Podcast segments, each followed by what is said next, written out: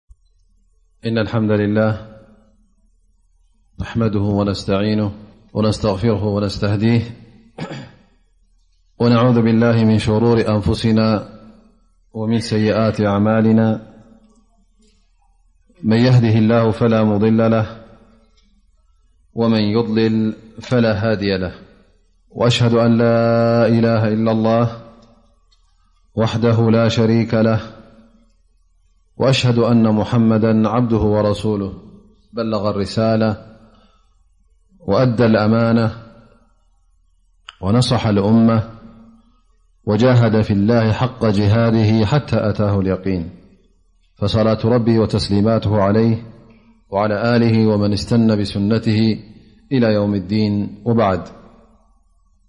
خبركم أحوات السلام عليكم ورحمة الله وبركاته ኣብ ዝሓለፈ ሰሙን ሱረት ኒሳ ክንፍስር ጀሚርና ክሳዕ ኣያ መበል ቁፅሪ ኣርባዕተ በፂሕና ማለት እዩ ከምቲ ሓሲብናያ ዝነበርና ክሳዕ ቁፅሪ ሽዱሽተ ንክንበፅሕ ግን ግዜ ስለ ዘይኣኸለ ኣብ ኣያ ቁፅሪ ኣርባዕተ ደው ኢልና ማለት እዩ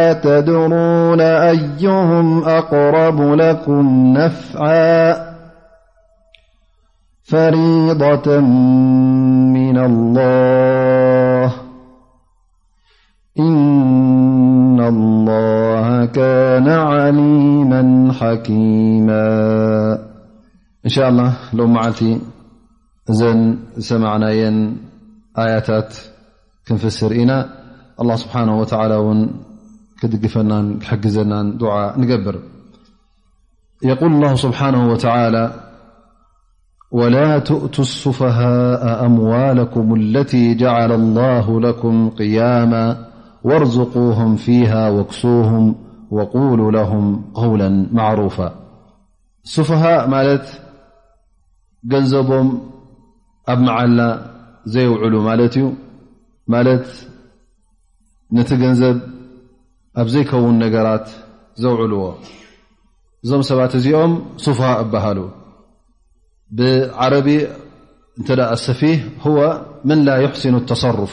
ፊ ማል ኣብ ኩሉ ጉዳያቱ ከመይ ገይሩ ነቲ ገንዘብ ከም ዝረብሓሉን ከም ዝጥቀመሉን ዘይፈልጥ ኣብ ኮንቱ ዘጥፍኦ ክኸውን ከሎ እዚ ሰብ እዚ ሰፊህ ይበሃል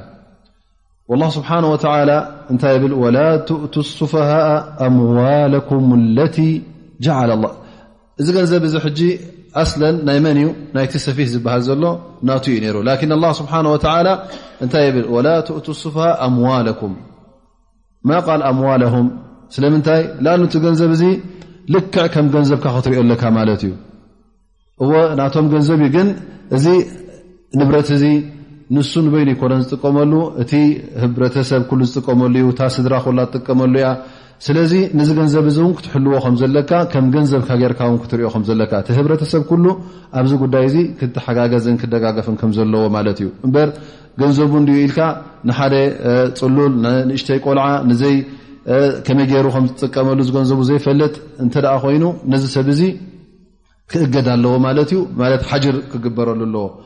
ኣስባብ ሓጅር ዝግበርሎም ቶም ስፍሃ ዝበሃሉ ኣብ ሸርዒ እስልምና ሓደ ወይ ንእሽተይ ኮይኑ ማለት እዩ ክንዲ ሰብ ዘይኣኸለ ዕድመ ሙሉእ ዕድመ ዘይኣኸለ ወዲ ዓሓሙሽተ ዓመት ዘይኮነ ማለት እዩ እዚ ሓደ ክኸውን ከሎ ወይ ከዓ ሓጅር ካብ ምንታይ ይመፅእ እተ እዚ ሰብ እዚ ሓንጎሉ ዝሰሓተ ኮይኑ ፅሉል እተ ኮይኑ እዚ ሰብ ዚ ድማ ትገንዘቡ ኮንቱ ከጥፍኦ ስለ ዝኾነ እዚ እውን ይኽልከል ማለት እዩ ወይ እውን ፅሉል ኣይኮነን ግን እቲ ናቱ ተሰርፉ እቲ ናቱ ገንዘብ ከውፅኦ ከሎ ዲኑን ዱንያኡን ዝጎድኣሉ ጥራይ ኣብኡታት ዘውፅእ ኮይኑ እዚ እውን መንግስቲ ተኸሲሱ ካብቲ ገንዘብ እውን ክእገድ ከም ዘለዎ ተሰሩፍ ንኸይገብር ክኽልከል እውን እዚ ሓደ እዩ ወይ ከዓ ሓጅር ራብዓይ ድማ ከመይ ኣሎ ሙፍልስ ክኸውን እንከሎ ማለት ሓደ ሰብ ካብ ሰብ ተለቂሑ እናስራሕ እንከሎ ካብትን ካብትን ተለቂሑ ዝኣከቦ ገንዘብ ኣብ መጨረሻ እቶም ዘለቀሕዎ ገንዘብና ሃበና ምስ በልዎ እሱ ድማ እቲ ምስኡ ዘሎ ንዕኦም እቲ ንብረት ምስኡ ዘሎ ንዕኦም ዝኣክል እተ ዘይኮይኑ እዞም ሰባት እዚኦም ሕጂ ቤት ፍርዲ ኮይዶም ይኸስዎ ማለት እዩ እዚ ሰብ እዚ ካብቲ ንብረቱ ንክእገድ ይሓቱ ማለት እዩ ምክንያቱ እዞም ሰባት እዚኦም ስለ ዘለቀሕዎ እቲ ምስ ዘሎ ገንዘብ ን እኹል ስለ ዘይኮነ ብድሕሪ ሕጂ እውን እተ ክፀንሑ ኮይኖም ካብኡ ዝኸፍአን ዝበኣሰን እቲ ገንዘቡ እናጠፍአ እቲ ንብረቱ እናተጓደለ ከይድ ስለ ዝኾነ እንታይ ይጠልቡ እዞም ሰባት እዚኦም እዚ ሰብ እዚ ካብ ገንዘቡ ክእገድ ካብኡ ንክኽልከል ይጠልቡ ማለት እዩ ብቤት ፍርዲ ማእከል እውን እንታይ ይኸውን እዚ ሰብ እዚ ይኽልከል ማለት እዩ ገንዘቡ ንከይትንከፍ መታን እቲ ገንዘብ ነቶም ዘለቀሕዎ ንክወሃብ ማለት እዩ ሊክ ከምዞም ሰባት እዚኦም ስፉሃ እበሃሉ ኣብ ርእሲኦም እውን እዚ ሕጂ ብቐንዲ ንመን ዘተኩር ድማ ብዝያዳ እቲ ቃል ወይ ከዓ ዘረባ ብዛዕባ መን እዩ ዘሎ ማለት እዩ ብዛዕባ ቶም ኣይታም ብዝያዳ ቶም ኣይታም ቶም ንእሽቱ ቆልዑ ቶም ዘኽታማት ኣብ ትሕትኻ ዘለዉ ገና እንተ ደኣ ንእሽቱ ኣለዉ ኮይኖም እቲ ገንዘብ ክወሃቡ ከምዘይብሎም ኣብ ኢዶም ክተንብሮ ከምዘይብልካ እንታይ ደኣ ከምቲ ኣላ ስብሓን ወተላ ዝበሎ ወላ ትእቱ ስፋሃ ኣምዋለኩም ለቲ ጀዓለ ላሁ ለኩም ቅያማ እዚ ገንዘብ እዚ ኣላ ስብሓን ወተላ ቅያማ ማለት ነቲ ናብራ ናይ ኣዱንያ ተቕምሉ ንግድኹም እተቕምሉ ናብራኹም እተካይድሉ ስለ ዝኾነ ነዚ ገንዘብ እዚ ኮንቱ ንኸይጠፍእ ክትሕልዎ ኣለኩም ኢሉ ኣላ ስብሓን ወተላ የብርሃልና እሞኒ ነቶም ስፋሃ ነቶም ንኣሽቶ ቆልዑት ነቶም ገንዘቦም ከመይ ገይሮም ከም ዘጥፍእዎ ኣብ መዓላ ዘየውዕሉ እተ ኮይኖም ንኦም ክውሃብ ከም ዘይብሉ ኣላ ስብሓን ወተላ የብርሃልና ኣሎ ማለት እዩ ካብዚ ኣያ ድማ እተ ክንርዳእ ኮይና እቲ ወልይ ዝበሃል ማለት ወልይ ልየቲም ነቲ የቲም ሓላፍነት ተሰኪሙ ዘሎ ነቲ ገንዘቡ ክሕሉ ነቲ ገንዘብ የቲም ክሕሉ ከሎ ልክዕ ከም ገንዘቡ ክሕሉ ከም ዘለዎ ኣን ላ ስብሓ ወላ ትእቱ ስፋ ኣምዋለኩም ስለ ዝበለና ትማል ኣብ ነብስና ስለ ዝገበሮ ልክዕ ከምቲ እስኻ ነቲ ገንዘብካ ትከናኸኖ ነቲ ገንዘብ ናይቲ የቲም እውን ክትከናኸኖ ኣለካ ማለት እዩ ማ የል ላ ስብሓ ወላ ወላ ትእቱ ስፋ ኣምዋለኩም ለቲ ጀዓለ ላ ለኩም ቅያማ ወርዝቁም ፊሃ ወክሱም ወርዝቁም ፊሃ ወክሱም ግን እንተ ደኣ ንዕኦም ዘድልዮም ኮይኑ ነቲ ናብርኦም ንኽበልዑን ንኽሰትዩን ክዳኖም ገዛ ዝነብርሉ ገዛ ከምዚ ኣመሰለታት እንተ ደኣ ኣድልዎም ኮይኑ ገንዘቦም ጌርኩም ነዞም ሰባት እዚኦም ክትዓፅውሎም ኣለኩም ይብለና ማለት እዩ ወይስተፋዱ ምን ሃ ካብዚ ማ እንታይ ክንጥቀም ንኽእል ነፈቀትል ኣልመጅኑን ወሰጊር ማለት ሓንጎሉ ዝሰሓተ ፅሉል ወይ ከዓ ቆልዓ ንእሽተይ እተ ከሎ ኮይኑ የቲም ይኹን ኣይኹንሲ እንተ ገንዘብ ኣለዎም ኮይኑ እዞም ሰባት እዚኦም ብገንዘቦም ክናበሩ ከም ዘለዎም ማለት ንእሽተይ ኢልካ ወይ ከዓ ፅሉል ኢልካ እቲ ገንዘቡ ተቐሚጡ ብካልእ ገንዘብ ክነብር ኣለዎ ዝበሃል ኣይኮነን ላኪን በቲ ገንዘቦም እዮም ዝነብሩ ምክንያቱ ገንዘብ ኣለዎም ማለት እዩ ገንዘብ ዘይብሉ እተ ኮይኑ ሰደቃ ኢልካ ብሰደቃ ኮይኑ ብካልእ ይናበሩ ማለት እዩ ግን እንተ ገንዘብ ኣለዎም ኮይኑ ሃብቲ እተ ኣለዎም ኮይኑ ንብረት እተ ኣለዎም ኮይኑ ንእሽተይ ቆልዓ ይኹን ትሕቲ ዕድመ ዘሎ ማለት እዩ ከምኡ ውን ፅሉል እተ ኮይኑ እዞም ሰባት እዚኦም ብገንዘቦም ክኸዱ ከም ዘለዎም በዚ ይበርሃልና ማለት እዩ ኣን ስብሓ ይል ወርዝቁም ፊሃ ወክሱኩም ማለት ካብቲ ገንዘቦም ካብኡ ኣውፅእኩም እቲ ናብረኦም ዝነብርሉ ኣካይድሎም ይብል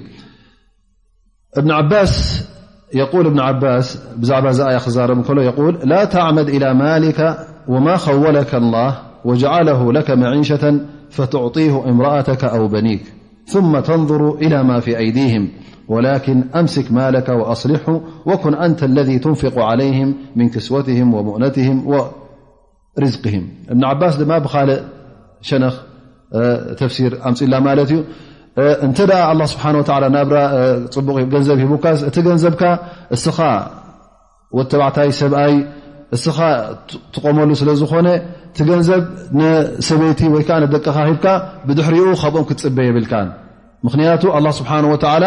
እዚ መሰሊ እዚ እዚ ሓላፍነት እዚ ንዓኻ ይሰኪሙካ ደኣ እምበር ንዕኦም ኣየሰከሙን ስለዚ እቲ ገንዘብ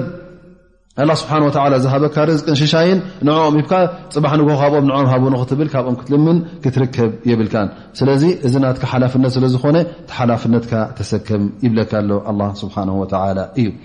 ማ የቁል ስብሓን ወተላ ወቁሉ ለሁም ቀውለ ማዕሩፋ ኩሉ እቲ ካብ መልሓስኩም ዝወፅእ ድማ ሰናይ ቃል ክኸውን ኣሎ ነዞም ትሕትኹም ዘለዉ ኣይታም እተ ኣብ ትሕትኹም ኣለዉ ኮይኖም ትሕልዎም ሓላፍነቶም ሰኪምኩም ኣለኹም ኮንኩም ብሰናይ መልሲ ብሰናይ መልሓስ ኣ መልሱሎም ሕማቕ ዘረባ ከተስምዕዎም የብልኩምን ካባኹም ኩሉ ግዜ ሰናይ ክወፅእ ኣለዎ ኢሉ ኣላ ስብሓን ወተላ ይሕብረና ማለት እዩ እንተ የቲም ውን ዕድሚኡ ኣኪሉ ክንዲሰብ ኮይኑ ሰብኣይ እተ ክኢሉ ወይ ከዓ እታ ጓል ንስተይቲ ውን ልክዕ እክልቲ እተ ኮይና እዞም ሰባት እዚኦም ዕድሚኦም እተ እኩል ኮይኑ እቲ ገንዘብ ንኦም ክወሃብ ከም ዘለውን ኣላ ስብሓን ወተላ የብርሃልና ማለት እዩ ግን ገንዘቦም ከይሃብካዮም ከለካ ክትፍትኖም ኣለካ ክትምርምሮም ኣለካ ምክንያቱ እቲ ገንዘብ ኣብዘይመዓሉ ከይውዕል ኣብዘይ መገዱ ንከይውዕል ነዚ ቆልዓ እዚ ክንዲ ሰብ ምስ ኣኸለ ክፍተን ከም ዘለዎ ኣላ ስብሓን ወተዓላ ኣፍታ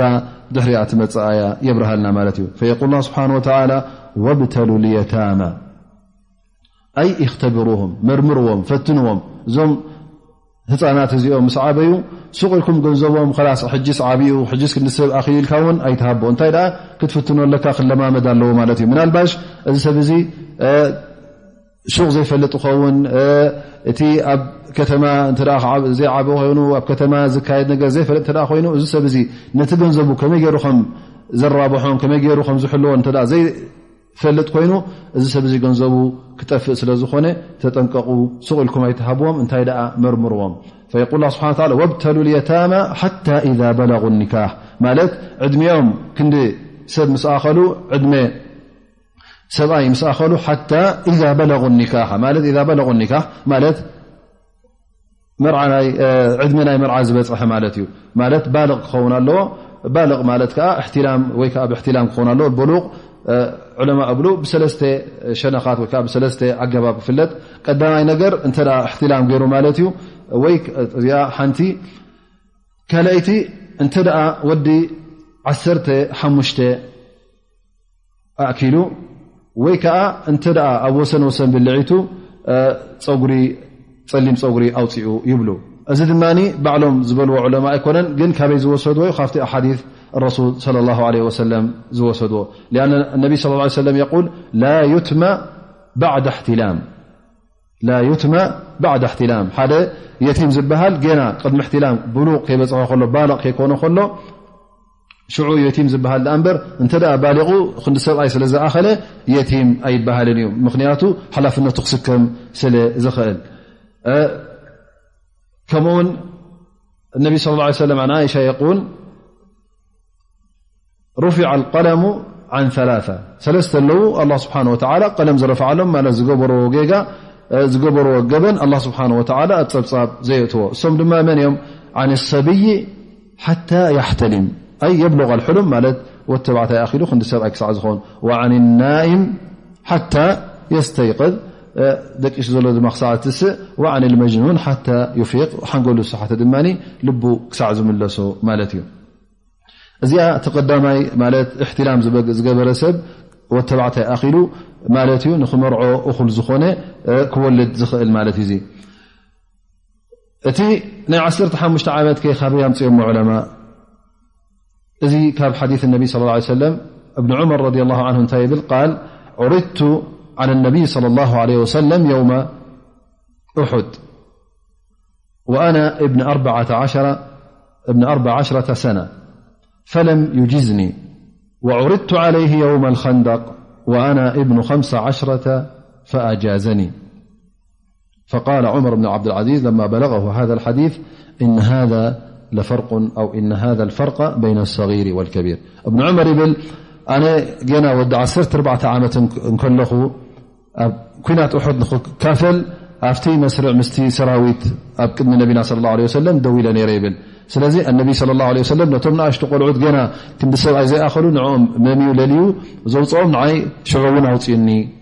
ጌና ኢኻ ዘለኻ ኢሉ ኣውፅኡኒ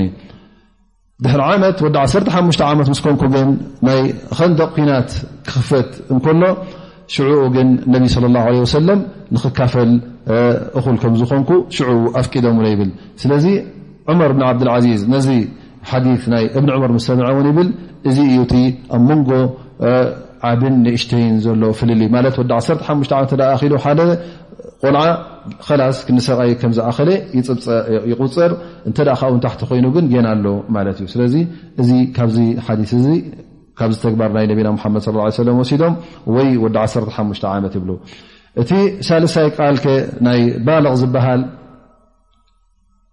ኣብ ብልዒቱ ፀጉሪ ዘብቆሎ ዝበልዎ ፀሊም ፀጉሪ ማለት እዩ እዚ ካበይ ኣምፅኦሞ የል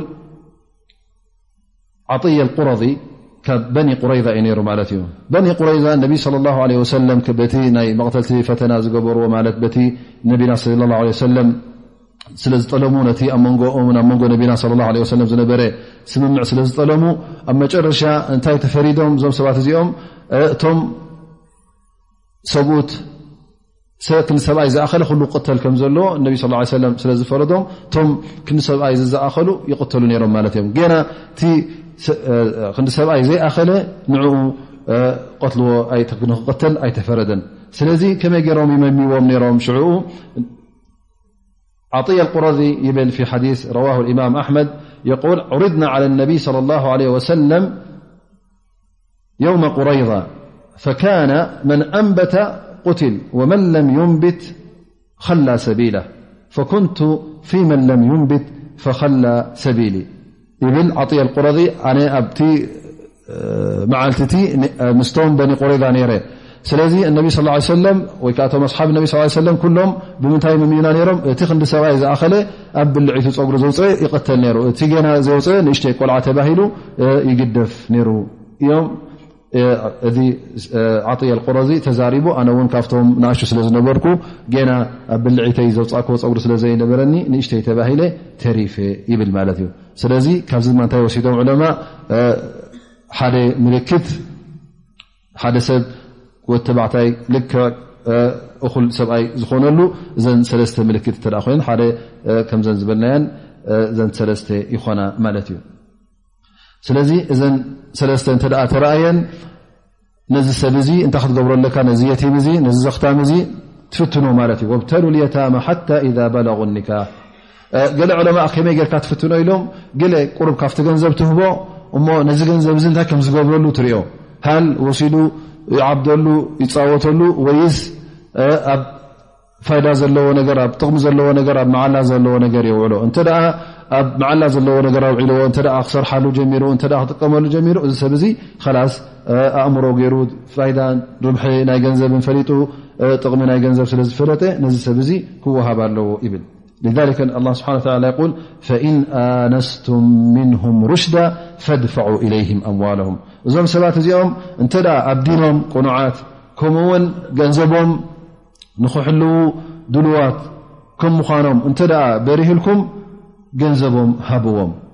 ስለዚ እንተ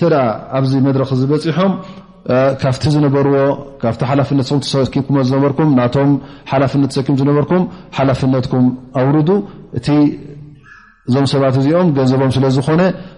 ነቲ ገንዘብ ኣብኦም ክመሓላለፍ ኣለዎ ስለዚ እቲ ዝነበረኩም ውላያ እቲ ዝነበረኩም ሓላፍነት ካብዚ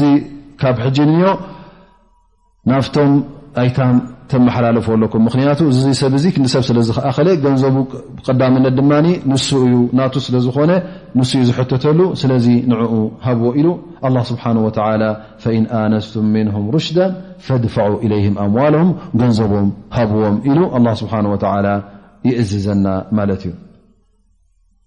ኣብ ርእሲኡ ድማ ኣላ ስብሓን ወተላ ነዚ ገንዘብ እዚ ገና ኣብ ኢትካ ከሎ ክትሕልዎ ከም ዘለካ ምናልባሽ እዚ ሰብ ዚ እዚ የቲም እዚ ወዲ ዓመት ወዲ ክልተ ዓመት ከሎ ወዲ ሰለስተ ዓመት ሓሙሽተ ዓመት ሎ ንእሽተይ ከሎ ህፃእን ከሎ ናባኻ ተመሓላሊፍ ይኸውን መጠን ኣቦሓዊ ሓውብኡ ኮንካ ወይ ከዓ ሓዉ እውን ትኸውን ምናልባሽቲ ካብ ኣቦኡ ዝወረሶ ሓዉ ኮንካ ገንዘቡ ክትሕልወሉ ኣለካ ኣብ ክኡ ኮንካ ዝኾነ ይኹን ዘመዱ ኮንካ ንኣብነት ሓላፍነት ዝሰኪምካ ዝፀናሕካ ዓሰ ዓመት ዓሰ ክልተ ዓመት ወላ እውን ዓሰ ሓሙሽተ ዓመት ን ክፀንሕ ይኽእል ማለት እዩ ስለዚ እዚ ነዊሕ ዕድመ እዚ ነዚ ገንዘብ እዚ ክትሕልዎ ቀሊል ስለ ዘይኮነ ኣብ መንጎ እውን ብዙሕ ዕንቅፋታት ምናልባሽ ብዙሕ ሽግራት እውን የጓንፈካ ኸውን ወላ እውን እቲ ግዜ ክናዋሕ ምስ ረኣኻዮ ንስኻ ውን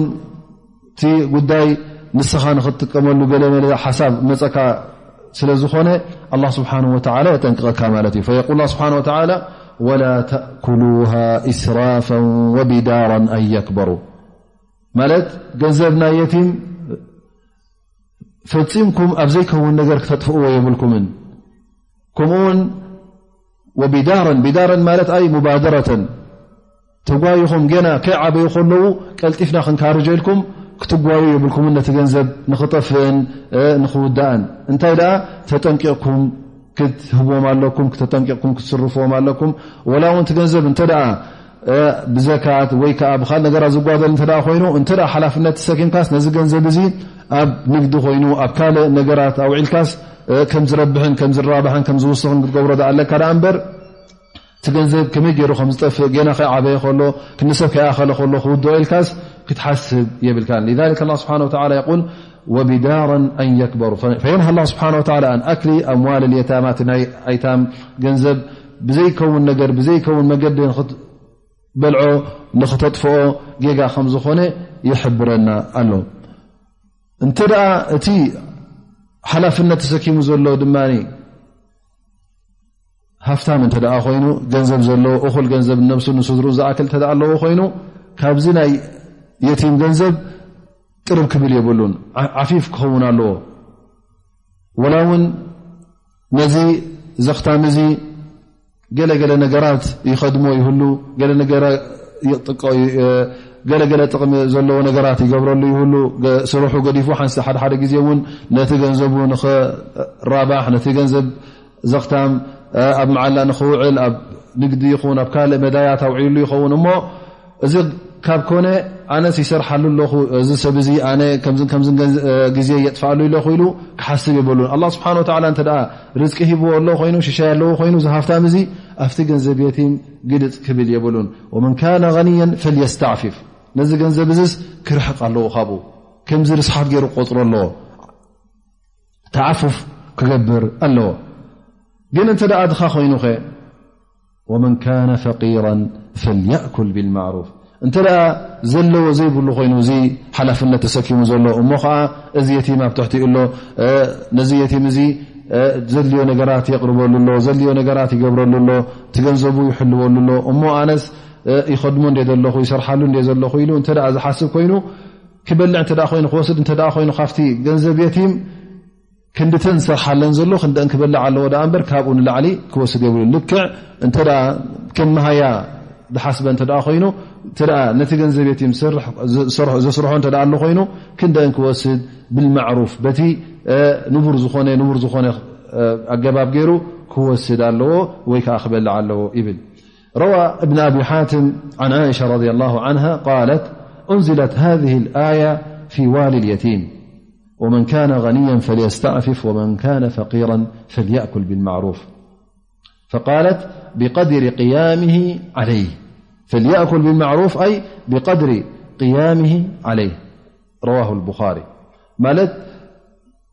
ክንድቲ ዝደኽመሉ ዘሎ ማለት እዩ እንተ እዚ የቲም እዚ ንኣብነት ግራት ውን ገዲፉ ኸውን ኣቦኡ እዛ ግራት ናይ ዚ የቲም ትኸውን እንተ ነዛ ግራት እዚኣ ትሓርሳ ኣለኻ ኮንካ ትዘርኣ ኣለኻ እተ ኮንካ ናይቲ ትደኽሞ ዘለኻ ናቱ ጥራይ ትወስድ ክንኡ ጥራይ ትወስድ ካብኡ ንላዕሊ ክትወስድ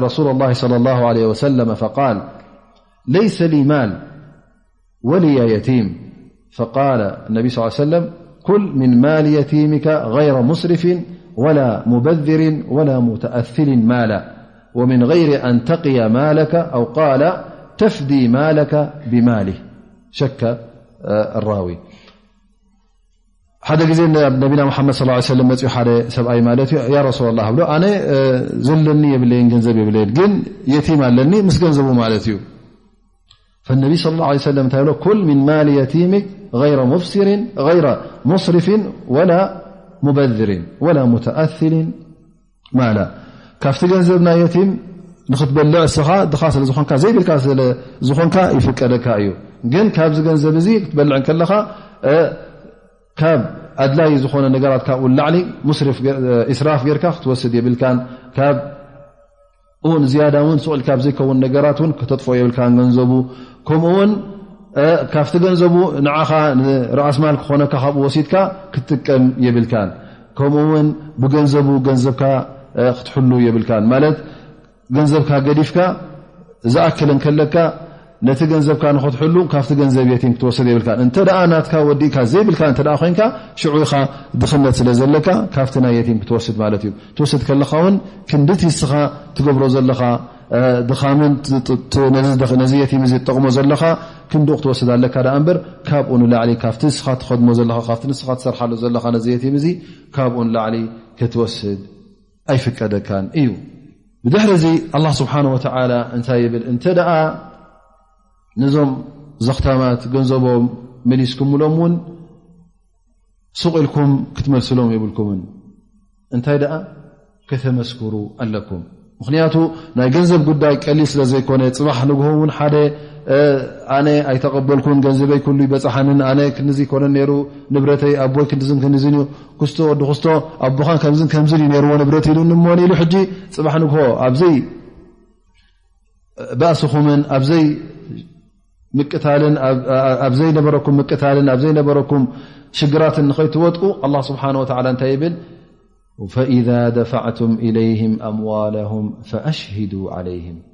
እንተ ገንዘቦም እዞም ሰባት እዚኦም ክንዲ ሰብ ኣኪሎም እዞም ዘኽታማት ዓብዮም ብድሕሪ እዚ ገንዘቦም ክትቦም ከለኹም መሰኻኽር ኣቕሪብኩም ብመሰኻኽር ሃብዎም ኢኹም ፅባሕ ንግሆ ምናልባሽ ሓደኦም ኣነ ሳይተቐበልኩን ኣነ ክንዲዚ ወሰድኩ ምእንቲ ከይብል ገንዘቦም ክንደይ ነይሩ እንታይታይምንታይ ጠፍኡ ኩሉ ነገራት ኣመስኪርኩም ነዞም ሰባት እዚኦም ገንዘቦም ኣረክብዎም ይብለና ኣላ ስብሓን ወተላ እዚ ኩሉ ግዜ እቲ ናይ ገንዘብ ጉዳይ ኣሸጋሪ ስለ ዝኾነ ኩሉ ግዜ እውን እቲ ምጥላምን እቲ ነንሕትካ ምክኸሓድን ኣብ ጉዳይ ናይ ገንዘብ ብዙሕ ስለ ዝርከብ ኣላ ስብሓን ወተላ ኣብዚ ጉዳይ እዚ ኩሉ ግዜ ከነመስከር ከም ዘለና ሰብ ዝፈልጦ ጌርካ ከይሓባእካ ከይደፋፈንካ እቲ ዝግባእካ እውን ክትወስድ ከለኻ ወይ ከዓ ነቲ ዝግብኦ ክትህቦ ከለኻ ተጠንቂቕካ እንታይ እንታይ ዝግባእ ብመሰኻኽር ጌርካ ክትህብ ከለኻ እዚ ንዓኻ ነፃ ይኸውን ፅባሕ ንግሆ እውን እዚ ሰብ እዚ እንተ ክጠልመካ ኮይኑ እተ ኣይተቐበልኩም ክብል ኮይኑ መሰኻኽር ስለ ዘለዉ ክኽሕደካ እውን ኣይክእልን እዩ ላ ስብሓ ወላ መጨረሻ ግን ነዚ ኣያ እዚኣ ብምንታይ ይዓፅዋ የል ላ ስብሓ ወላ ወከፋ ብላሂ ሓሲባ ኣላ ስብሓን ወተዓላ እሱ እዩ ዝቆፃፀረኩም ወላ እውን ሰብ ኣመስክር ድኣ እምበር እንተ ዘጥፋእካዮ ነገር ኣሎ ኮይኑ ኣብ ቅድሚ ሰብ ዘይተፈልጠ ነገር እተ ኣሎ ኮይኑ ኣላ ስብሓን ወላ ዝፈልጦ ነገር ኣሎ ኣላ ስብሓ ወ ክሓስበካ እዩ ስለዚ እቲ ትህቦ ዘለካ ነዚ የቲም ብሓቂ እቲ ካብ ወለዱ ተቐበልካዮ ድዩ ወይስ ገለ ነገር ዝሓባእካዮን ዝበላዕካዮን ኣሎ ብዘይ ግቡእ እሞ ከዓ እቲ ትህቦ ዘለኻ ሕጂ ናይ ብሓቂ ድዩ ኣይኮነን ኣላ ስብሓን ወተላ እውን ይፈልጦ እዩ ስለዚ እቲ ኣመስክር ትበሃሎ ዘለኻ እዚ ኣብ ቅድሚ ሰብ ተመስክሮ ኣለኻ ማለት እዩ ግን ተመስክረሉ ዘለኻ ሓቂ እንድዩ ሓሰት እንድዩ እቲ ቀንዲ ነገር ኣየና እዩ እቲ ኣላ ስብሓን ወተላ ዝርኦ ዘሎ እዩ ስለዚ ሰብ ኣመስኪረ ሂበካ እንተ ነቶም መሰኻክር እውን ከዲዕካዮም ኮንካ ፅባሕ ንግሆ ክቆፃፀረካ እዩ ማለት እዩ እቲ ዝተረፈ እንታይ ከም ዘሎ እቲ ኩሉ ዲካ ሂካ ኣይሃብካዮን ኣላ ስብሓን ወተላ እውን ክቆፃፀረካ እዩ ስለዚ እቲ ቀንዲ ፍርህኻ ካብ ናይ ኣዱንያ ነገር ከይከሰኒ ከየእስረኒ ከየብለኒ ዝብል ክኸውን የብሉን እንተ ትቐንዲ ነገር ገንዘብ የቲም ክትሕሉ ከለኻ ነዚ ናይ ዘኽታም ገንዘብ ክትሕሉ ከለኻ ክትመልሰሉ ከለኻ ጎዲሉ ዩ ጎደለን ክትርኢ ከለኻ ንመን ኢኻ ክትርኢ ዘለካ ነቲ ኣላ ስብሓን ወተላ ለይትን መዓልትን ከይደቀሰ ንዓኻ ዝቆፃፀረካ ዘሎ እንታይ ትገብር ኣለኻ እንታይ ትዛረብ ኣለኻ ኣበይ ትንቀሳቀስ ኣለኻ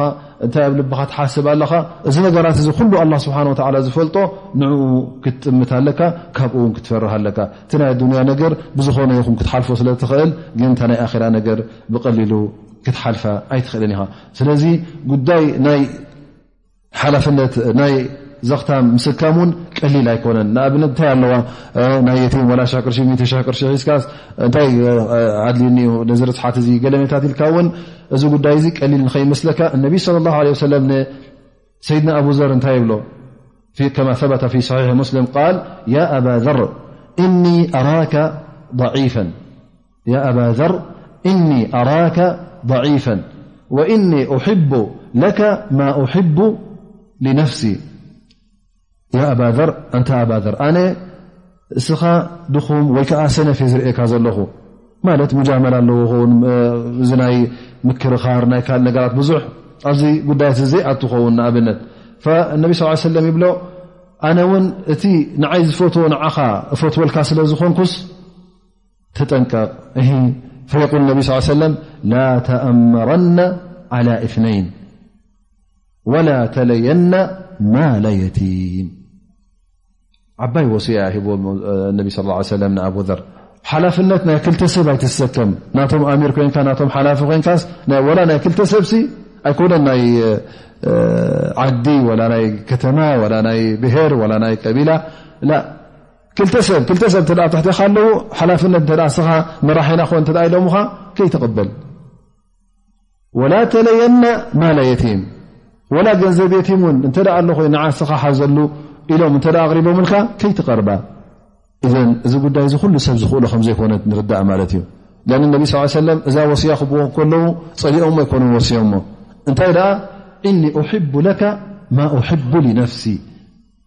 ካብ ዝዓቢ ነቢ ስ ሰለም ከምዚ ክብልዎ እንከሎ ኣነ እቲ ንዓይ ዝፈትዎ ንዓኻ ፈትዎ ንዓኻ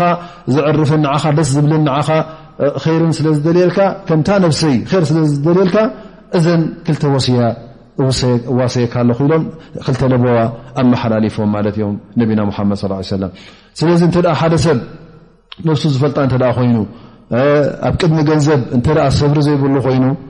ሓደሓደ ሰባት ኣለዎም ሰብሪ ዘይብሎም ሓደሓደ ሰባት ንርእሶም ስፉሃ ኣለዉ ኣይኮነ ገንዘብ ናይ የቲም ናይ መስኪን ናይ ሰፊ ኢሎም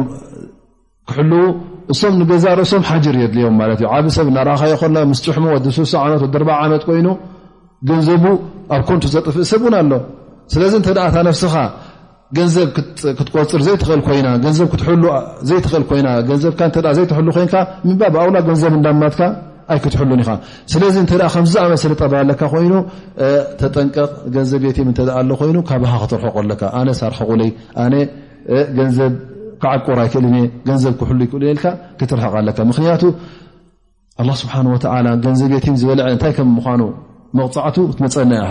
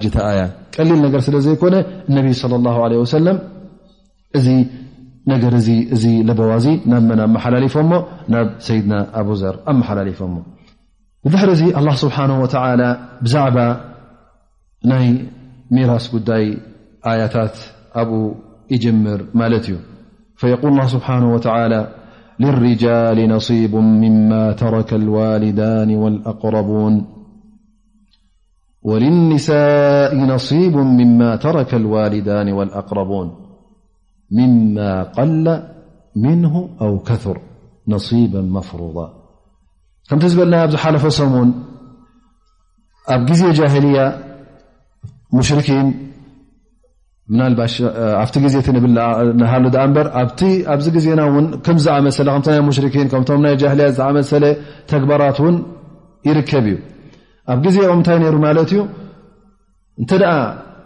ገንዘብ ውርሻ ዝተረፈሉ ገንዘብ እንታይ ይግበር ነይሩ እዚ ገንዘብ እዚ ንደቂ ተባዕትዮ ጥራይ ነቶም ዕድመ ሰብኣይ ዝኣኸሉ ምክንያቱ እንታይ ይብሉ ነሮም እዞም ሰብኡት ክንዲ ሰብኣይ ዝኣኸለ ንሱ እዩ ዝነፍዕን ንሱ ዩ ዝገድዕን ይብሉ ነሮም ማለት እዩ ምክንያቱ እሱ ዩ ዝሕሉ እሱዩ ፈረሰኛ እሱዩ ዝዋጋእ እሱዩ ነታ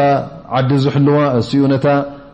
ቤተሰብ ዝሕልዋ ኢሎም ንመን ብዎ ነሮም ንሰብኣይ ጥራይ ይወሃብ ነሩ ማለት እዩ ደቂ ኣንስትዮ ዕድል ኣይነበረን ንህፃናት ንቆልዑት ውን ዕድል ኣይነበሮምን ላ ስብሓን ወተላ ነዚ ጉዳይ እዚ ንኸፍሽል ነዚ ጉዳይ እዚ ቕኑዕ ከምዘይ ምዃኑ ንኸብርህ ቀዳማይ ነገር ኣብቲ ጉዳይ ሚራስ ኣብቲ ጉዳይ ምውርራስ ኣላ ስብሓን ወተላ ወተባዕታይን ጓልንስተይን ኣብቲ ሚራስ ክልቲኦም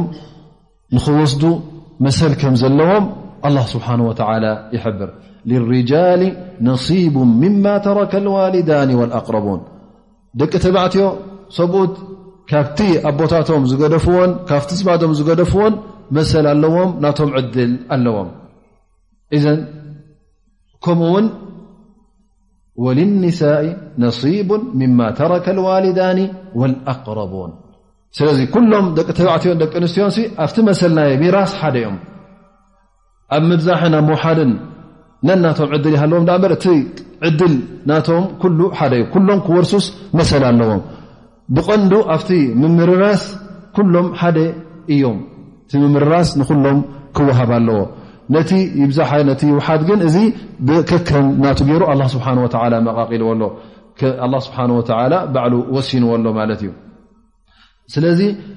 ዋልንስተይቲ ይኹን ወተባዕታይ ብናይ ዝምድና ብናይ ምውላድ ብናይ ሰብኣይ ሰበይቱ ኮይና ወይ ከዓ እሱ ሰብኣያ ኮይኑ በዚ ነገር ዘሎ ዝምድናን ምቅርራብን ኣልኣቅረቡን ዝበሃሉ ብሕውነት ኮይኑ ወይከዓ ኣቦኻ ኮይኑ ወይዓ ኣዲኻ ኮይና ወይከዓ ሓፍትኻ ኮይና ወይ ውን ሰበይትኻ ኮይና በዚ ኩሉ ሸነኻት ወተባዕታይ ይኹን ጓልንስተይትስ ዝብፅሖም ኣለዎም ኩሎም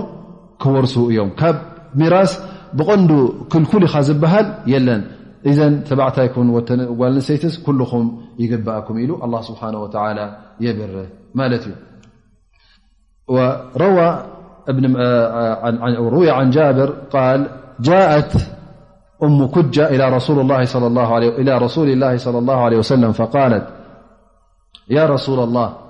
እነ ሊ እብነተይን ወቀድ ማተ ኣቡሁማ ወለይሰ ለሁማ ሸይ እዚኣ ሓንቲ ናብ ነቢና ሙሓመድ ለ ላ ለ ወሰለም መፅያ እቲ ጉዳይ ምሰሸገራ ኣነስ ክልተ ኣዋልድ ኣለዋኒ ኣቦኦን ድማ መይቱ ኢላ ትሓትት ማለት እዩ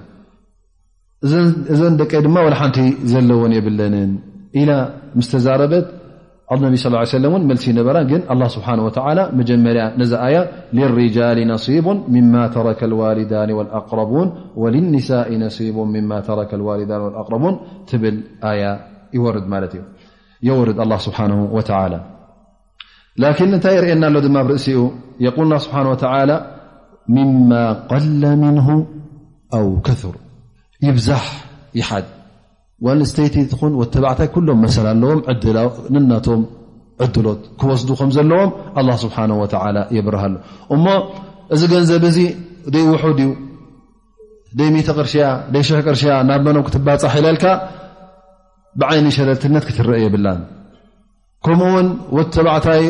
ጥራይ ካብቲ ብዙሕ ብዙሕ ነገራት ዝወስድ ካብ ፍሩይ ፍሩይ ጥራይ ክኸውን ከሎ ዩ ዝወርስ ጓል ንሰይቲ እተ ሒደት ሒደት ኮይኑ ጓል ንሰይቲ ትእቶ ኢልካ ውን ዝሕሰብ ኣይኮነን እዘን እቲ ንሚራስ ዝምቀል ይብዛሕ ይሓት ኩሉ ንኩሎም መሰሎም ኣለዎም ማለት እዩ ከምታ ካብ ሚልዮን ዝወርስዋ ካብ ሽሕ ቅርሺ እውን ይወርሱ እዮም ካብ ሚት ቅርሺ እውን ይወርሱ እዮም ማለት እዩ ስለዚ ኣላ ስብሓን ወተላ ምማ ቀለ ምንሁ ኣው ከር ኢሉ ይብዛሕ ይሓትሲ ወተባዕታይ ጓል ንሰይትን ኩሎም ነናቶም ክወስዱ ከም ዘለዎም ኣላ ስብሓን ወተላ የብርሃልና ማለት እዩ ነሲበ መፍሩዳ እዚ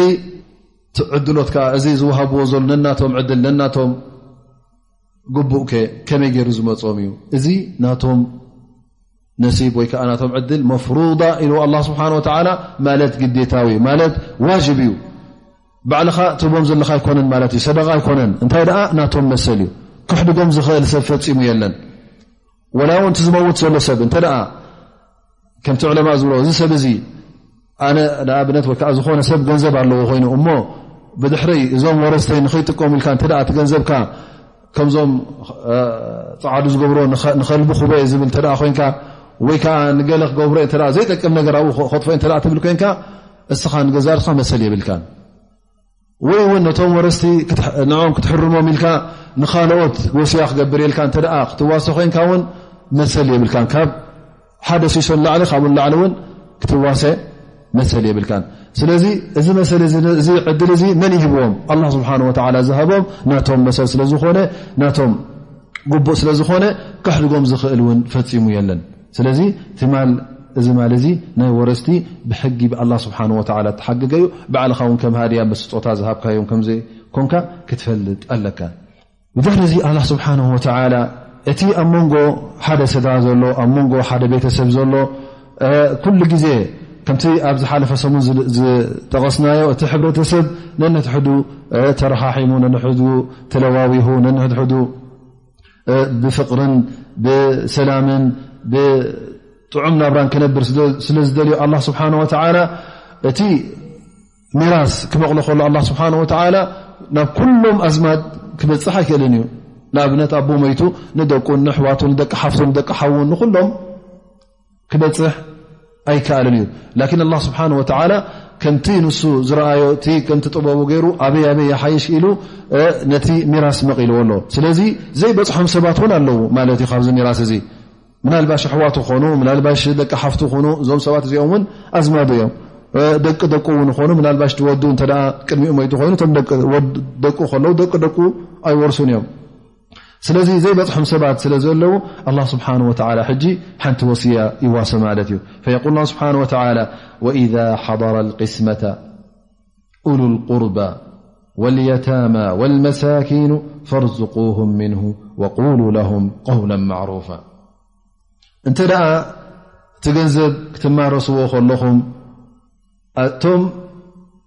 ኣዝማድኩም እንተ ኣለዉ ኮይኖም ዘይበፅሖም ኣዝማድ ካብቲ ሚራስ ዘይተቐበሉ ኣብቲ ሚራስ ዘይኣተዉ ግን እሶም ኣዝማድካ እዮም ኣሕዋትካ እዮም እሶም ድማ ድኻታት ይኾኑ ቅድሚ ሕጂ እውን እዚ ሰብ እዚ ብህየት እንከሎ ብዙሕ ነገራት ፅቡቕ ነገራት ገብረሎም ነይሩ ኸውን ካብቲ ገንዘቡ ካብ ሰብኣይ እ ካብ ሰብ እ ጥቀሙ ነይሮም ይኾኑ ስለዚ እዞም ሰባት እዚኦም ነዚ ሰብኣይ እ ውን ፈትዎ እዮም ነሮም ማለት እዩ ካብዚ እዚ ሕጂ ዝገንዘብ እዚ ክማረስ እንከሎ እቲ ከምቲ ሸርዒ ዝበሎ እዩ ክማረስ ማለት እዩ ምናልባሽ ካብኦም ሕጂ ክትምቲ ነገር ክማረስ ከሎ ይርኢ ፍላን ከምዚ በፂሕዎ ንፍላን ከምዚ እዩ ዝከባል እዩ ከምዚ እኦም በሃል እሱ ሕጂ ካብዚ ነገር እዚ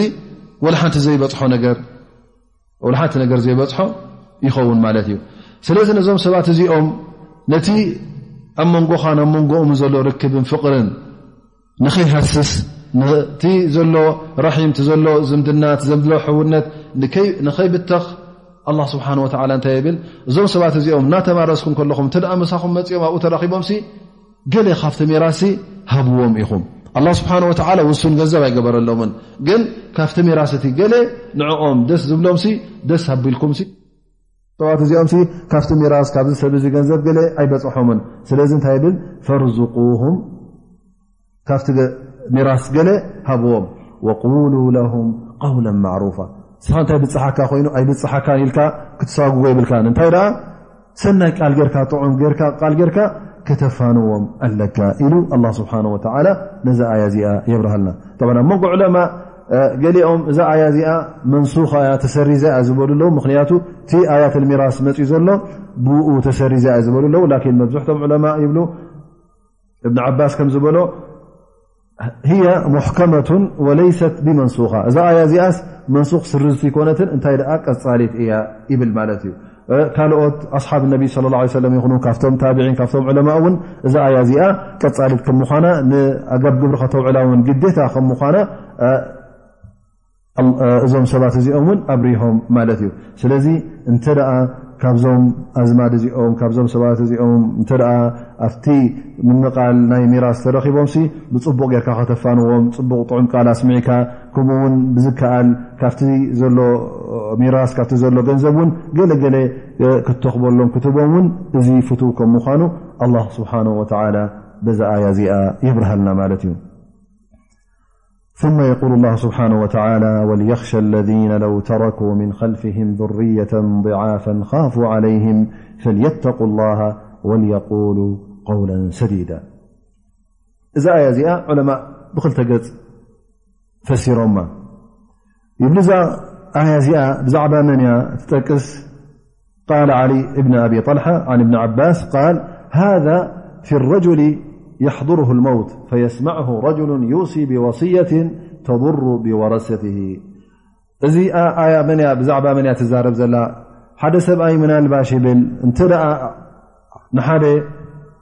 ሰብ ኣብ ሞት ክቀራረብ ከሎ ኣብ ጥቕኡ ነይሩ ኮይኑ እሞ ወስያ ክገብር ከሎ እዚ ሕሙም ሰብ እዚ እዚ ሞት ተቀራሪቡ ዘሎ ወስያ ክውስ ከሎ በቲ ኣላ ስብሓን ወተላ ዘይበሎ ነቶም ወረስቱ ዝጎድእ ገይሩ ክዋሰ እንተ ሰሚዕዎስ እዛ ቃል እዚኣ ገይሩ ከዘኻኽሮ ከም ዘለዎ ዩ ኣላ ስብሓን ወተላ ዝሕብረና ዘሎ ይብሉ ላ ስብሓን ወተላ ነዚ ሰብ እዚ እተቂላ ኢሉ ነዚ ዝጋገ ዘሎ ካብቲ ዝገብሮ ዘሎ ጌጋ ንዓ ኣይፋሉን ኢሉ ንኽመልሶ ንዑ እያ ትዛረብ ዘላ ይብል ምኽንያቱ ልክ ከምቲ ነቢና ሙሓመድ ለ ላ ለ ወሰለም እንታይ ገይሮም ሳዕድ ብን ኣብ ወቃስ ተፀሊእዎ ከሎ ሓይሙ ከሎ ሳዕድ ብን ኣብ ወቃስ ንኸይመወት ፈሪሁ ነቢና ሓመድ ለ ላ ለ ወሰለም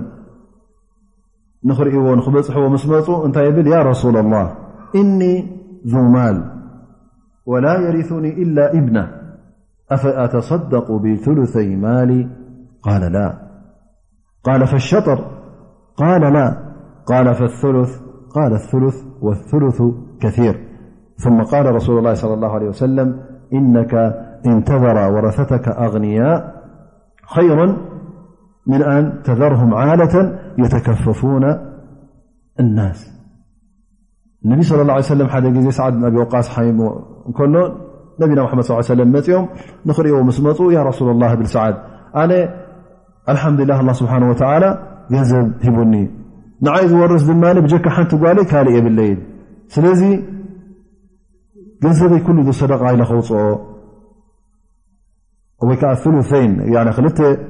ስልሲ ዶ ከውፅእ ኢሉ ይሓትት ማለት እዩ ነቢ ስ ሰለም ላ ኢሉ ይምልሰሉ ማለት እዩ ይ ፈሸጥር ሞፍርቂ ገንዘበይ ሰደቃ ክውፅእ ይብል ነቢ ስ ሰለም ኣይፋልካን ይብሎ ማለት እዩ ካብኣ ንታሕቲ ኣበ ይወርድ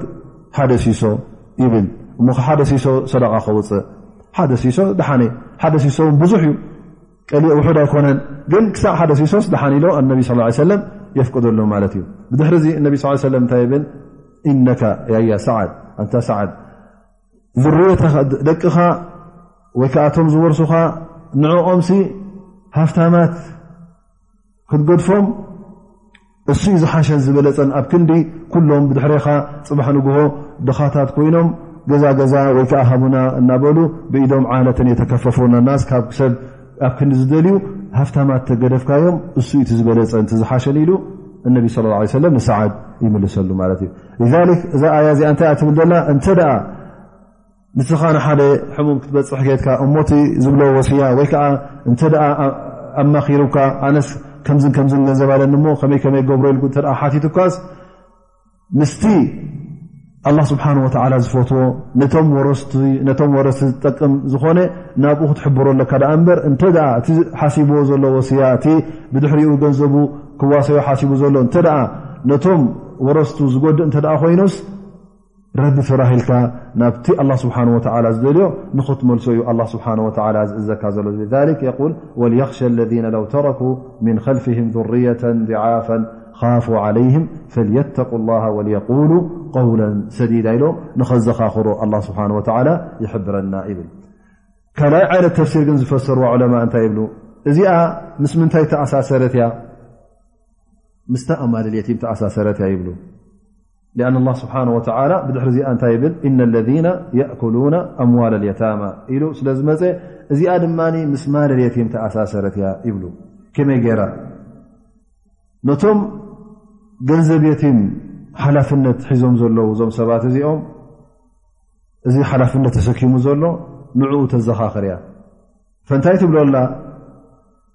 ኣንታ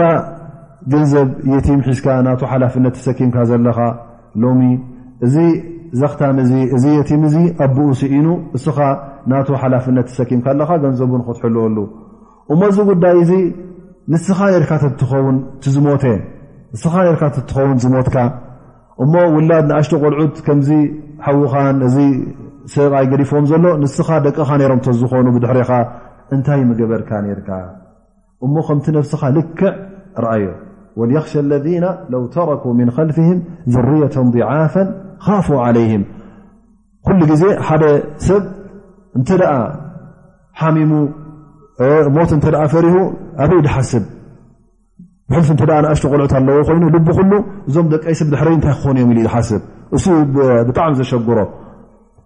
እሞ ፅባሕ ንግሆ ኣነ ምስ ኮትኩስ ኣነ ምስ ሞትኩስ መን እዩ ሓላፍነቶም ክስከም መን እዩ ፅቡቕ ዓይኒ ገይሩ ክሪኦም መን እዩ ክሕልዎም መን እዩ ገንዘቦም ኣጥቢቑ ዝሕዘሎም ኢሉ እዚ ነገር እዚ ሕጂ የተሓሳስቦ ፈዚ ጉዳይ እዚ ልክዕ ንስኻ ውን ናባኻ ከም ዝወረደ ጌርካ ቁፀሮ ኢሉ ኣላ ስብሓን ወተዓላ የዘኻኽሮም ኣሎ ማለት እዩ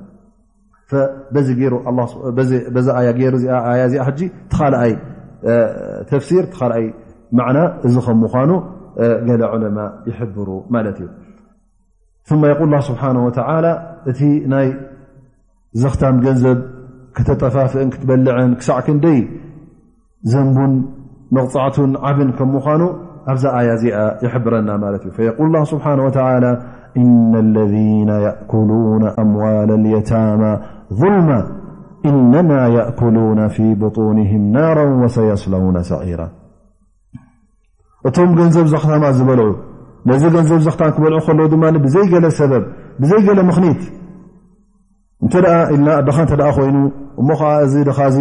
ነዚ የቲም እዚ ሰርሓሉን ይጠቕሞን ነቲ ገንዘቡ ነናሓለወ ዘራብሖ እተ ኮይኑ ክንዲታ ዝደኽማ ዘሎ ይውሰድ ኢልና ኢና እዚ ምኽኒት ስለ ዘለዎ ብምኽኒት ትወስድ ኣሎ ማለት እዩ ግን እንተ ብዘይ ገለ ምኽኒት ዓሚፁ እተ ክበልዕ ተረኪቡ ብዘይ ገለ ሕጊ ብዘይ ገለ ፍቓድ እንታይ ኸውን ማለት እዩ የቁል ላ ስብሓን ወተላ ኢነማ የእኩሉነ ፊ ብጡንህም ናራ ልክ ከምዛ ንሓዊ ትክልስ ዘለካ ከም ገርካ ክትቆፅር ኣለካ ማለት እዩ እቲ ሓዊ እውን ሓዊ ናይ ኣዱንያ ኣይኮነትን እንታይ ደኣ ልክ ሓዊ ጀሃንም ኢካ ትበልዕ ዘለካ እቲ ትውሕጦ ዘለካ ምግቢ ትትወስዶ ዘለካ ልክ ከም ሓዊ ጀሃንም ትበልዕ ዘለካ ገርካ ቁፀሮ ከብድኻ ክመልእ እንከሎ ካብቲ ናቶም ገንዘብ እሳት ይመልእ ከም ዘሎ ጌርካ ቁፀሮ ኢሉ ኣላ ስብሓን ወተዓላ ነቲ ጉዳይ እዚ በዚ ክፉእ ዝኾነ ስእሊ በዚ ኣስካሕካሒ ዝኾነ ስእሊ ገይሩ ኣላ ስብሓን ወተዓላ የቕርበልና ማለት እዩ እነ ለذነ የእኩሉነ ኣምዋል ልየታማ ظልማ እነማ የእኩሉነ ፊ ብጡንህም ናራ እቲ ዝበልዕዎ ዘለዉ እሳት ከም ምኳኑ ከብዶም ሓዉ መልእዋ ዳኣ ኣለዉ ዳኣ እምበር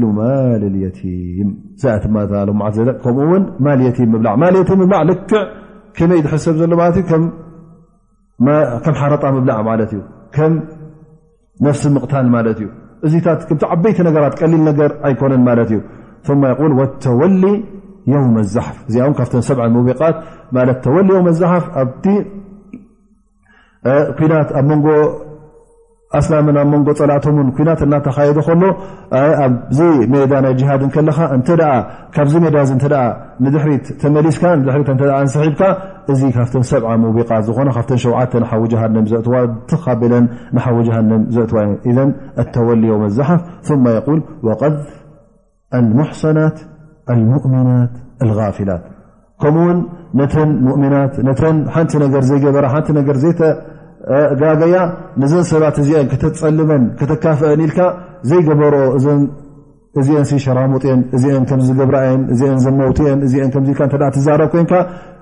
ምስክር ዘይብልካ መርትዖ ዘይብልካ እንተ ነዛ ሰብ እዚኣ በዚ ጉዳይ እዚ እንተ ጥርጢርካያ ነዛ ሙእሚን እዚኣ ነዛ ፅፍፍቲ ዝኾነት ሰበይቲ ኣላ ስብሓን ወተላ ካብቲ ሸውዓተ ሙቢቓት ዝኾነ ንሓዊ ጀሃንም ዘእቱ ጌጋ ከም ዝፈፀምካ በዚ ሓዲስ እዚ ይበርሃልካ ማለት እዩ ስለዚ ቀሊል ነገር ኣይኮነን እቲ ማልቲም ማልዘኽታም ብዘይ ገለ ምኽኒት ንኽትበልዕ እንተ በሊዕካያ ድማ ነታ ፅባሕ ንጎ ፅበየካ ዘላ መቕፃዕቲ ክትዳሎ ኣለካ ክእለት እተ ኣለካ ኮይኑ ኣብ ኣዱኒያ ትበልዖ ዘለካ ልክዕ ኩሉ ከም እሳተ ጀሃንም ከም ምኳኑ ኣብ ከብድካ ኣትኻ ኣለካ እቲ ዝፅበየካ ዘሎ መቕፃዕቲ ብግዳምካን ብውሽጥኻን ከም ምኳኑ ኣብ ዮም ቅያማ እቲ ነብስኻ ብግዳሙ ኣብ ሓዊ ጀሃንም ክኣት እዩ እቲ ዝበላዕካዮ ድማ እቲ ዝወሓጥካዮ ፅባሕ ንግሆ ውን ኣብ ዮም ቅያማ ቃልቃል ከብለካ እዩ ኣብ ከርስኻ ከቃፅለካ ስለ ዝኾነ ስለዚ ትስቃዩ ቀሊል ኣይኮነን ብውሽጥን ብግዳምን ክረኽበካ እዩ ማለት እዩ ኣ ስብሓን ወላ ካብዚ ነገር እዚ የጠንቅቐና ማለት እዩ ብድሕር እዚ ኣላ ስብሓን ወተላ ከምቲ መጀመርያ ዝጠቐስናዮ ሊርጃሊ ነሲቡ ምማ ተረከ ልዋሊዳን ዝብል ናይቲ ቐንዲ ምምራስ ንኹሉ መሰሉ ከም ዝሃበ ንወተባዕታይ ንጓልሰይት ጠቂስና ነርና ሕጂ ብዛ ኣያ እዚኣ እቲ ጉዳይ እቲ ነገር ከመይ ጌርካ ከም ዝመቓቐል ድማ ኣላ ስብሓን ወተላ ነዚ ናይ ሚራስ ነገር ነዚ ናይ ምውራስ እውን ኣላ ስብሓን ወተላ ባዕሉ እዩ መቓቂልዎ ንና ሓታ ነቢ ስለ ላ ሰለም ባዕልኻ መቓቅሎ ኢሉ ሓዲስ ገይሩ ጥራይ ኣይተመቓቐለን ግን ትቐንዲ ናይ ምምራስ ጉዳይ ተቐንዲ ቐንዲ ነጥብታቱ መን እዩ ባዕሉ ኣላ ስብሓን ወተላ እዩ ኣቑምዎ ማለት እዩ ስለዚ እዚ ጉዳይ እዚ እውን ብጣዕሚ መበኣስን ብጣዕሚ ቀሊል ነገር እውን ስለ ዘይኮነ ኣላ ስብሓን ወተዓላ ተነክኣ ስለ ዝኾነ እዚ ጉዳይ እዚ ኩሉ ግዜ እንተ ደኣ እቲ ባእሲ ክመፅሪኢኻ ውን ኣብ ሓደ ቤተሰብ እውን መብዝሕትኡ ግዜ ብገንዘብ ስለ ዝኾነ ብናይ ምምራስ ይኹን ብናይ ካልእ ምኽኒት ዘበኣስ ጉዳይ ስለ ዝኾነ ኣላ ስብሓን ወተዓላ ባዕሉ መቒልዎ ማለት እዩ እቲ ካብ ኣላ ስብሓን ወተዓላ ዝመፀካ ትእዛዝ እውን እሺ ሕራይልካ ክትቅበሎ እውን ይግበኣካ ማለት እዩ ላ ስብሓን ወተላ ቀዳማይ ነገር እንታይ ኢሉ ጀሚርዋ ነዛ ኣያ እዚኣ ዩውሲኩም ላሁ ፊ ኣውላድኩም ልዘከሪ ምሉ ሓظ ኡንተይን እተን ናይ ሚራስ ኣያታት እውን መጀመርያ እዘን ክልተ ኣያ ዘለዋ ዩ ማለት እዩ ኣያ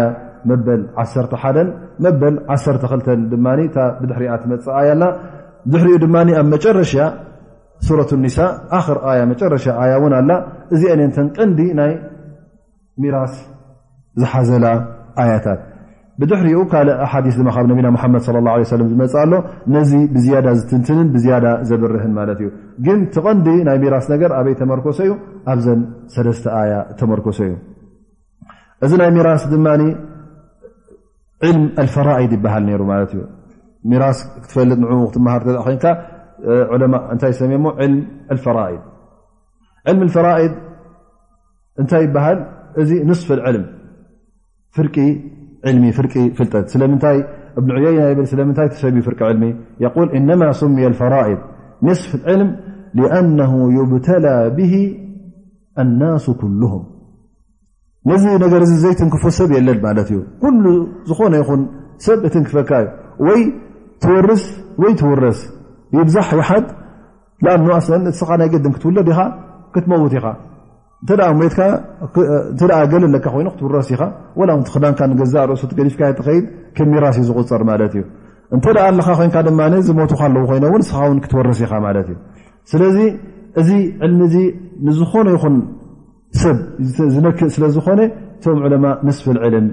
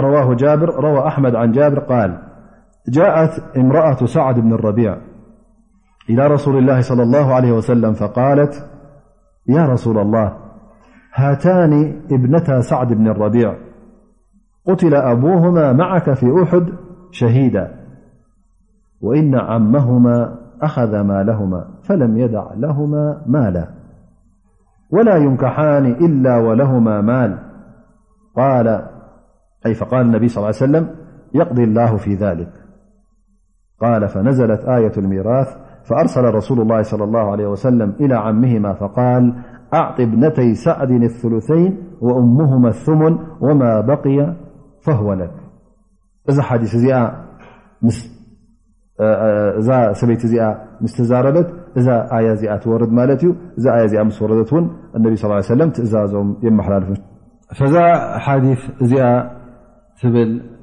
ሓንቲ ሰበይቱ ንሰዓድ ንረቢዕ ናብ ነቢና ሓመድ صለ ላ ለ ሰለም ትመፅእ ማለት እዩ እንታይ ትብል ክልተ ደቂ ኣውና ዋልድ ነረን ንሒዛተን ትመፅእ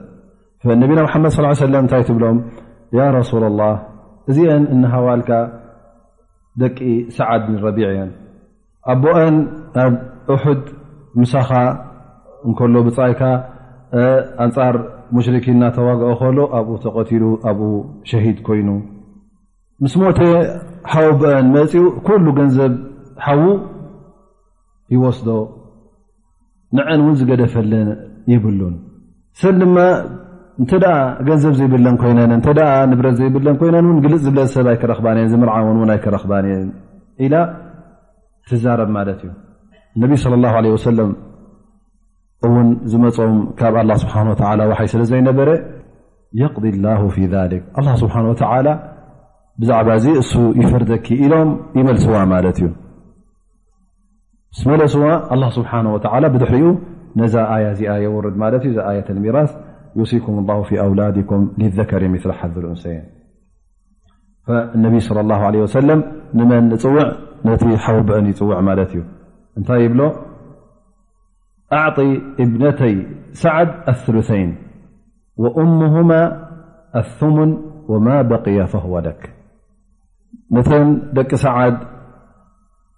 ክልተ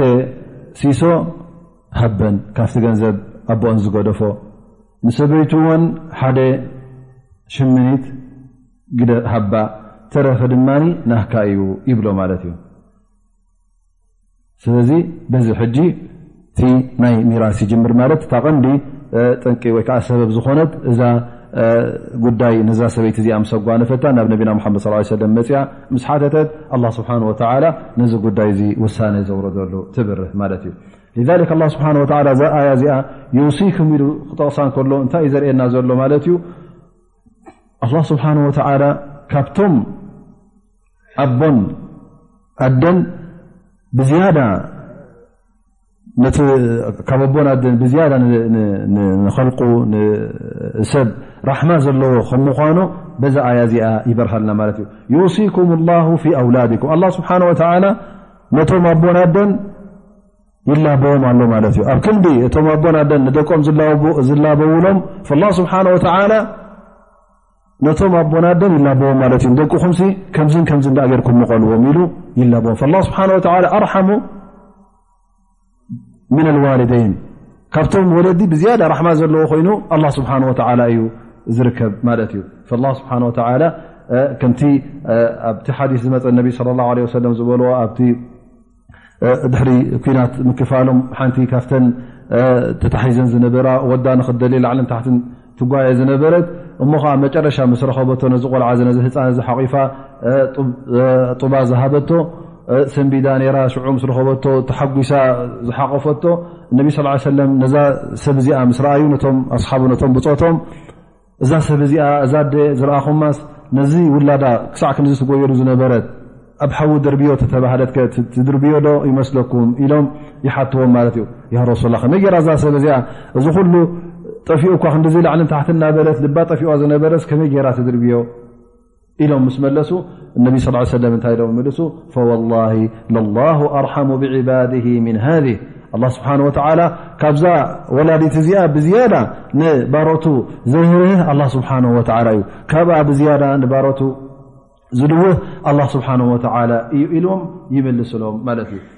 ስለዚ እቲ ቅድሚ ሕጂ ዝነበረ ነቲ ውላዶም ንኩሎም መሰሎም ዘይሕልው ውላዱ ከለዉ እናፈለጠ ከሎ ጥራይ ነቶም ኣወዳት ይህብ ነቶም ዓበይቲ ነቶም እኩላት ገንዘቡ የመሓላለፍ ነይሩ እዚ ጉዳይ እዚ እውን ዓድል ስለ ዘይኮነ ፍትሓዊ ስለ ዘይኮነ ኣላ ስብሓን ወተላ ነዞም ኣቦታት እዚኦም እቲ ፍትሓዊ ዝኾነ ኣገባብ ከመይ ከም ምዃኑ ኣላ ስብሓን ወተዓላ ነቦታት ነቶም ወለዲ ይዋሰዮም ማለት እዩ ፈይቁል ዩሲኩም ላሁ ፊ ኣውላድኩም ልዘከሪ ምሉ ሓዝ ልኡንሰይ ስለዚ ወተባዕታይን ጓል ንሰይትን ክልቲኦም ወርሲ ከም ምዃኖም ግን ክወርሱ ከለዉ ወተባዕታይ ክልተ ዕፅ ክወስድ እንከሎ ጓል ንስተይቲ ሓደ እጃም ትወስድ ማለት እዩ እዚ እውን እዩ እቲ ዓድል ዝበሃል ማለት ፍትሓዊ ዝበሃል ማለት እዩ ኩሉ ግዜ እቲ ፍትሒ ዝኾነ ነገር ናይ ግድን ክልትኡ ሓደ ክኸውን ኣለዎ ማለት ኣይኮነን ግን ብኩሉ ሸነካቱ ርኢኻ ብኩሉ ገላቢጥካ መን ዩ እንታይ ይግብኦ መን ዩኸ እንታይ ይግብኦ ነንሕዱ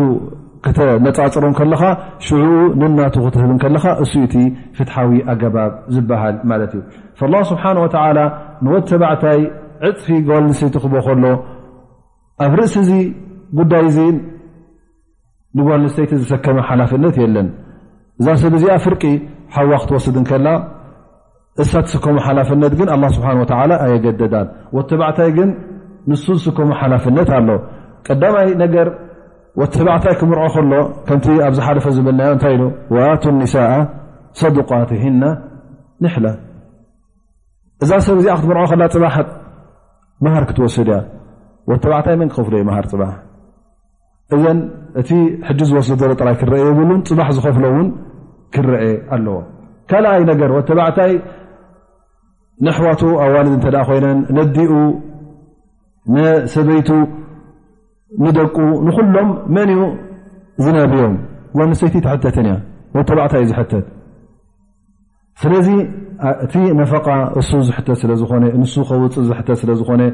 ንሱ ንክሰርሕ ንሱ ላዕልን ታሕትን ክብል ስለ ዝኾነ ኣላ ስብሓን ወተላ ነቲ ጉዳይ ፍትሓዊ ንክኸውን እንተረእናያ እውን ብዝያዳ ጓል ኣንሰይቲ ዝበፅሓ ክበዝሕ ክኽእል ይኸውን ዩዚ ሸነክ እዙ ምክንያቱ ሳ ተውፅኦ ነገር ዘይብላ ከሎ ትወስድ ኣላ ማለት እዩ ንኸተውፅእ ዘይትግደድ ከላ ኣላ ስብሓን ወተላ ፍርቂ ወተባዕታይ ይህባ ኣሎ ማለት እዩ ስለዚ እሳ ናታ ድኽመትን ናታ ሽግርን ስለ ዘለዋ ምናልባሽ እሳ እውን ካብቲ ናይ ወተባዕታይ እውን ክበዝሕ ይኽእል እዩ ስለዚ ኣላ ስብሓን ወተዓላ ነዛ ሰብ እዚኣ ፍርቂ ወተባዕታይ ዝበሎ ንዓ ጎዲእዋን ንዓ ወፂዕዋን ኣይኮነን እንታይ ደኣ ብዝያዳ ንዓ እውን ጠቒምዋ ክኸውን ይኽእል እዩ ስለዚ እቲ ናይ እስልምና ጉዳይ ክትሪኦ ከለኻ ጥራይ ናይታ ሕጂ ነቲ እስልምና ክካፍኦ እንተ ደልዮም እንታይ እዮም ዝብልኻ እስልምናስ ንጓል ኣንስተይቲ ወፅዕዋ ከመይ ገይሩ ተልካዮ ፍርቂ ሂወት ተባዕታይ ሂብዋ በስ ነዚኣ ሒዞም እስልምና ስለምንታይ ተባዕታይ ወፅዕዎ ዩ እ እንታይ ገይሩ መሃር ክፈር ኢልዎ እዚኣ ዳኣ ደይትብሉ ጓል ኣንስተይቲ ክፍይ ተባህለትን ክሳብ ሕጂ መሃር ዝኸፍል ወ ተባዕታይ እዩ ኣብ ርእሲኡ ጓል ኣንስተይቲ ንሰብኣይኪ ኣብ ልዕዮ ኣስትዮ ኣይትበሃል እያ ገዛ ተኻረይሉ ዝብል የለን እነማ መን ዩ ለዚ ይውልዘም መን እዩ ዝግደድ ሰብኣይ ኣይ ዝግደድ ንሱ ዩ ከብልዓን ከስትያን ከናበራን ዘሎ እቶም ቆልዑት ኣዲኦም ዋላ ውን ሃፍታም ዲቕ ዝበለ ሃፍቲ ይሃለዋ ደቃ ኣቦኦም እተዘይ ቀሊቦም ንሳ ንክትቀልብ ኣይትግደድን እያ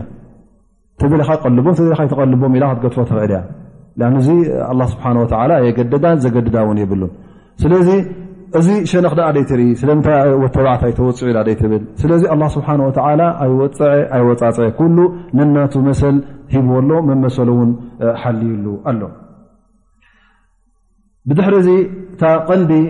ኣብ መቓቐላ ክንሪኣ እተ ኮይና ኣላ ስብሓን ወተላ እቶም ዝውለዱ ውላድ ወተባዕታይን ጓልንስተይተይን ወተባዕታይ ደቅኻ እተ ኮይኖም ማለት እዮም ወተባዕታይ ዕፅፊ ጓልንሰይቲ ክወስድ ከም ዘለዎ ተሓቢሩ ማለት እዩ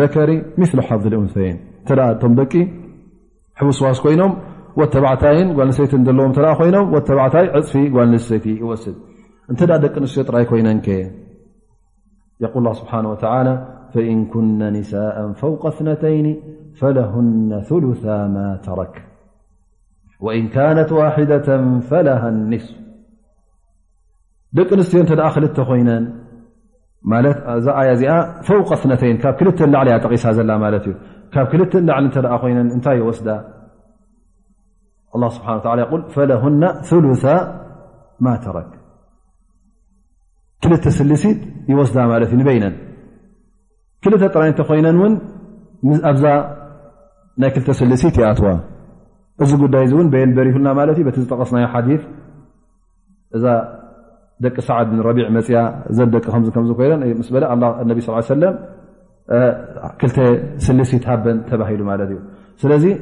ምስዛ ሓዲ ናይ ነቢና ሓመድ ስ ሰለ ተራእዩ ከምኡ ውን ኣብ ካልእ ኣያ ትመፅ ኣላ ዛ መፅ ላ ኣያ እተ ኣሕዋት ን ኮይነን ደቂ ኣንስትዮ